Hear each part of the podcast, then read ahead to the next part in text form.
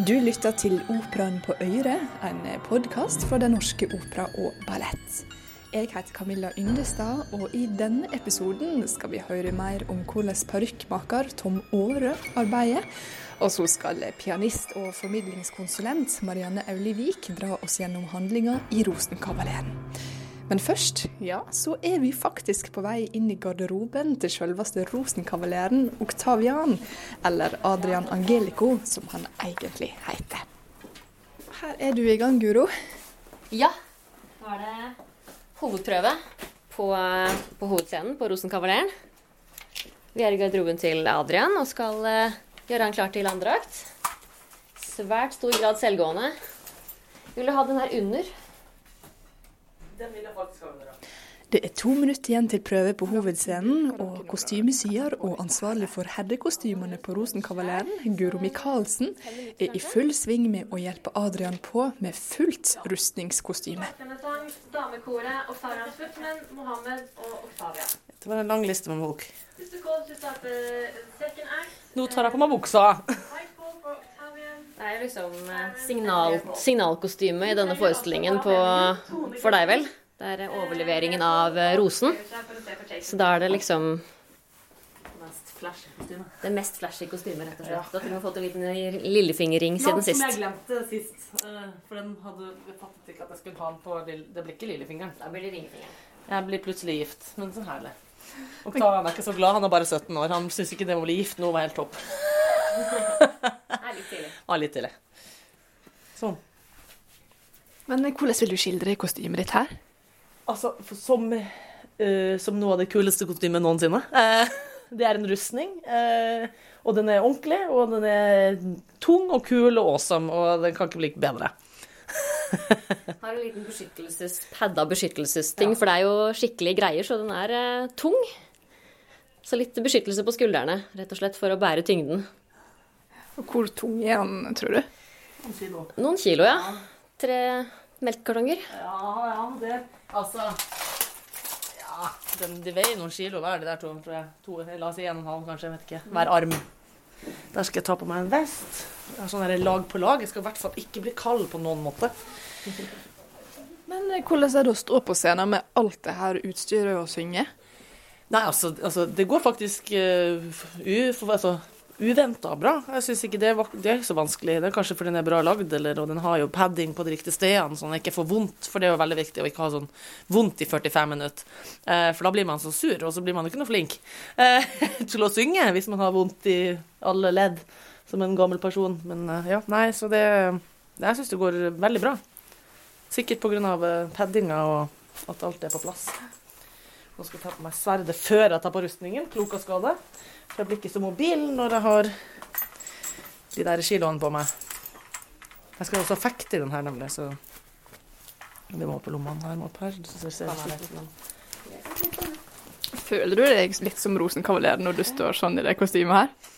Ja, Å ja, absolutt. Altså, jeg har aldri følt meg mer rosenkavaleren enn nå. Det må litt om må høyere opp likevel. Det er enten eller. Rosenkavaleren er en leieproduksjon, og de fleste kostymene, også rustningen, er derfor ikke laga på huset.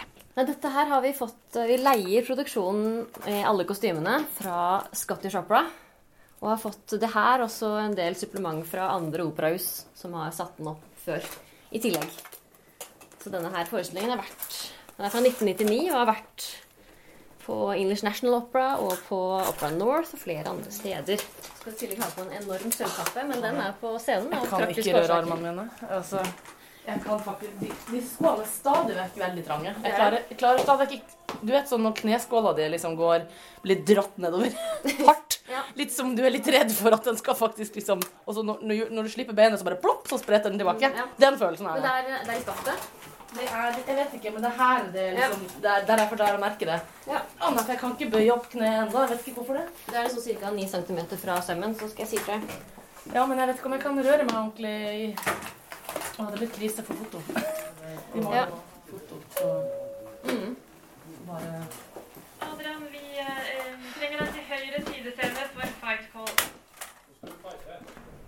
Og mens Adrian iført høye sølvboots og rustning haster av gårde til scenen, tar vi trappene ned til første etasje og parykkmaker Tom Aare.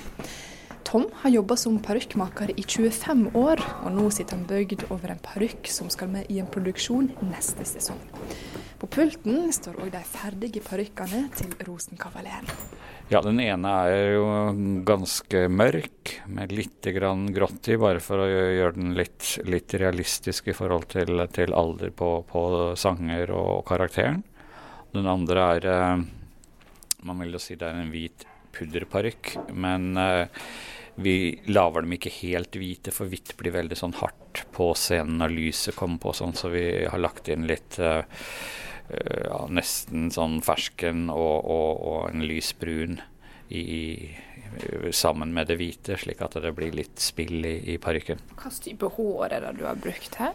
Den mørke er uh, i ekte menneskehår, mens uh, den lyse er laget i bøffel sånn fra jakkoksen, så vi får det vel stort sett fra Kina, det, det håret.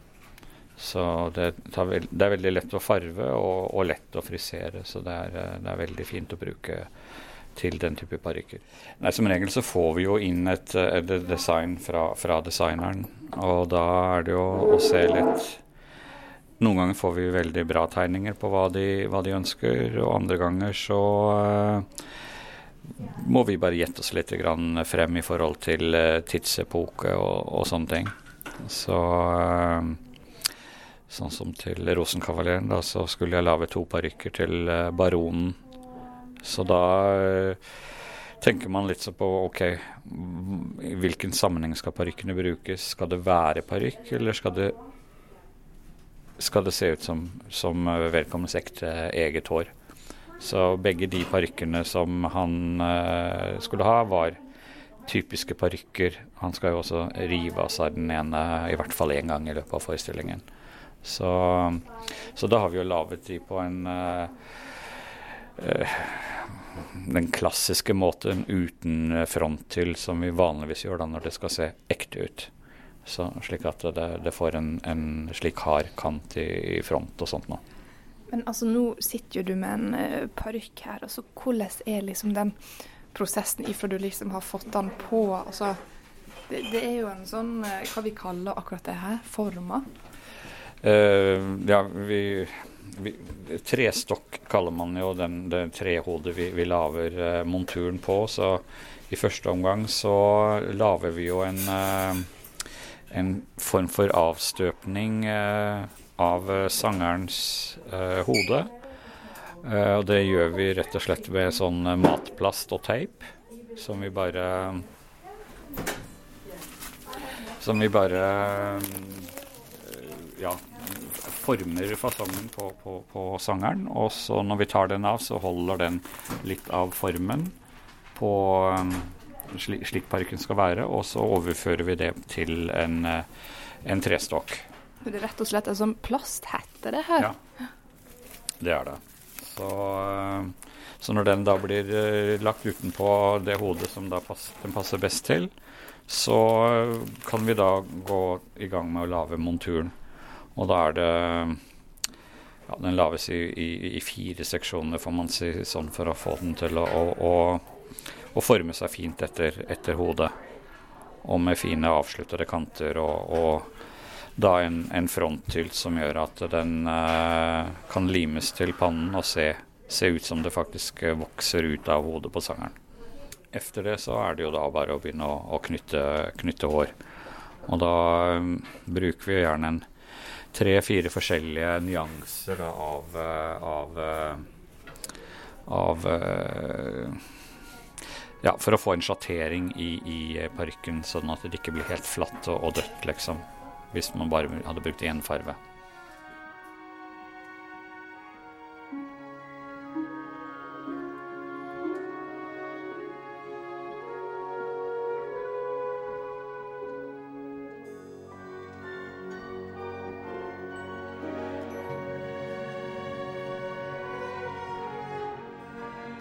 Richard Strauss skrev 'Rosenkavaleren' i 1911, rett etter den modernistiske Elektra.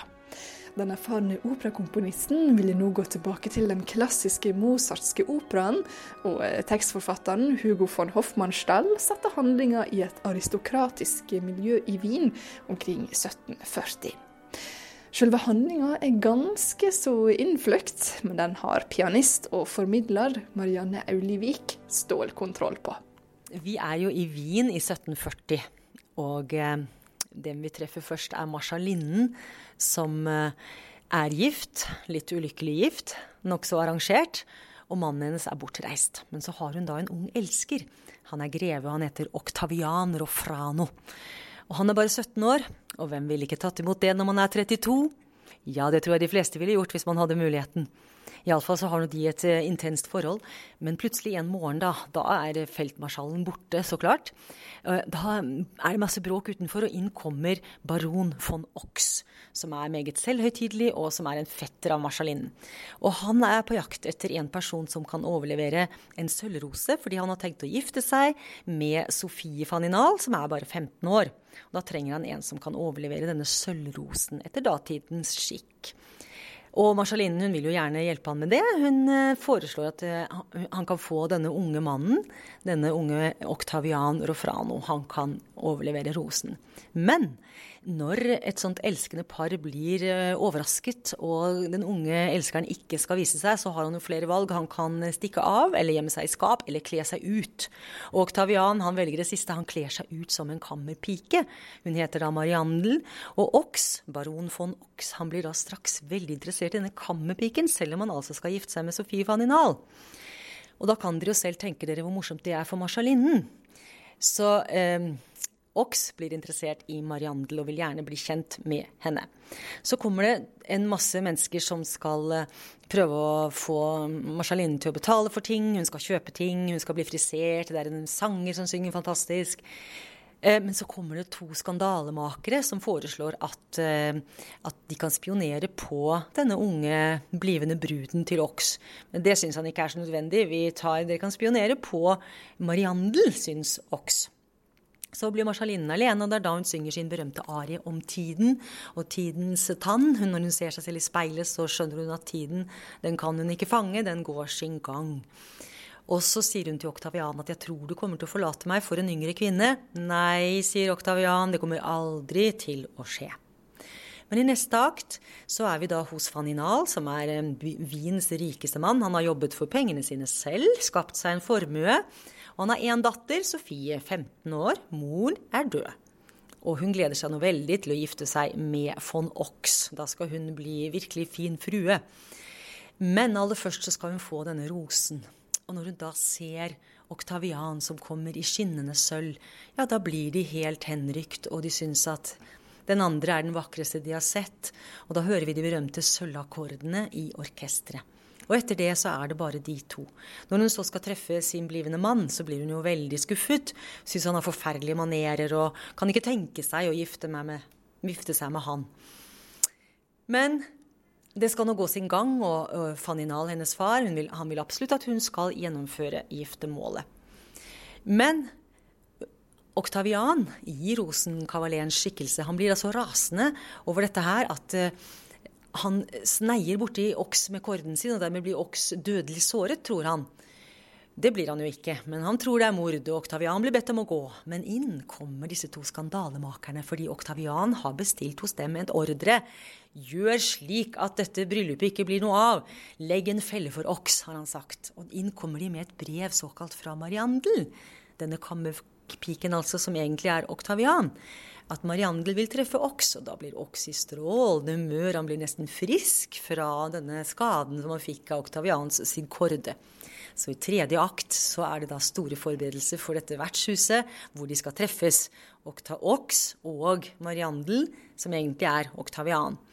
Eh, de det, det, er spøkelser, det er eh, akrobater, det er maskekledde menn, det er eh, barn som påstår at Ox er faren deres. Det er all verdens galskap. Så eh, Ox han blir helt utslitt til slutt og skjønner ikke hva som skjer. Men han kjenner ikke igjen eh, vil si, han kjenner igjen eh, Oktavian i denne Mariandel og skjønner ikke hva det er som skjer. Men til slutt så orker han ikke mer å rope på politiet, men han får da ingen beskyttelse, fordi politiet lurer veldig på hva i all verden gjør han ute om natten med dette unge mennesket, og hvem er det? Og når Okstad sier at ja, det er min blivende kone, da blir jo selvfølgelig Sofie Faninal sin far, han blir jo rasende når han får høre det. Så blir det enda mer oppstyr, og Oks får en meget bedrøvelig sorti Fordi marsjalinnen kommer og ser hva hennes fetter har stelt i stand. Hun prøver å dekke over det og sier at det var jo bare en wienersk farse. Men nå må du forstå at det er over. Det er forbi. Og igjen står Marshalinnen med sine to Dvs. Si Octavian, står med sine to kvinner, Marshalinnen på 32 og Sofie på 15. Og hvem skal han velge? Hvem er det som får lov å være sammen med Octavian Rofrano, 17 år? Vi skal ikke få noe svar her, eh, syns du? Nei, det syns jeg vi kan eh, spare til slutten, for det, det er spennende å se hvordan det går. Så det er virkelig en, et sus av en forsvunnen tid som vi kommer inn i med denne Rosenkavaleren, og med den musikken som er eh, med valser og modernisme blandet så på en veldig raffinert måte og med et orkester som spiller perfekt, som blir ledet av en ung, fremadstormende dirigentstjerne som bare er 32. Hun er ung og lysende og stormende, mens Marsalinne, som er 32, hun er en ferdig kvinne. Det er forskjellen på 1740 og 19, eh, 2019. Så jeg liker den kjempegodt, og det er jo veldig mye humor. Strauss hadde jo mye humor. Han var ironiens mester. Så eh, ikke tenk så mye på at det er litt melankoli også, fordi Marceline er litt, uh, litt, trist fordi hun er 32. Men vi er jo ikke triste for vi er 32 i våre dager, for sånn er det jo ikke lenger. Men hun er litt trist for det. Men tenk også på at det er en komedie, det er en parodi, det er fryktelig mye moro og mye fantastisk musikk.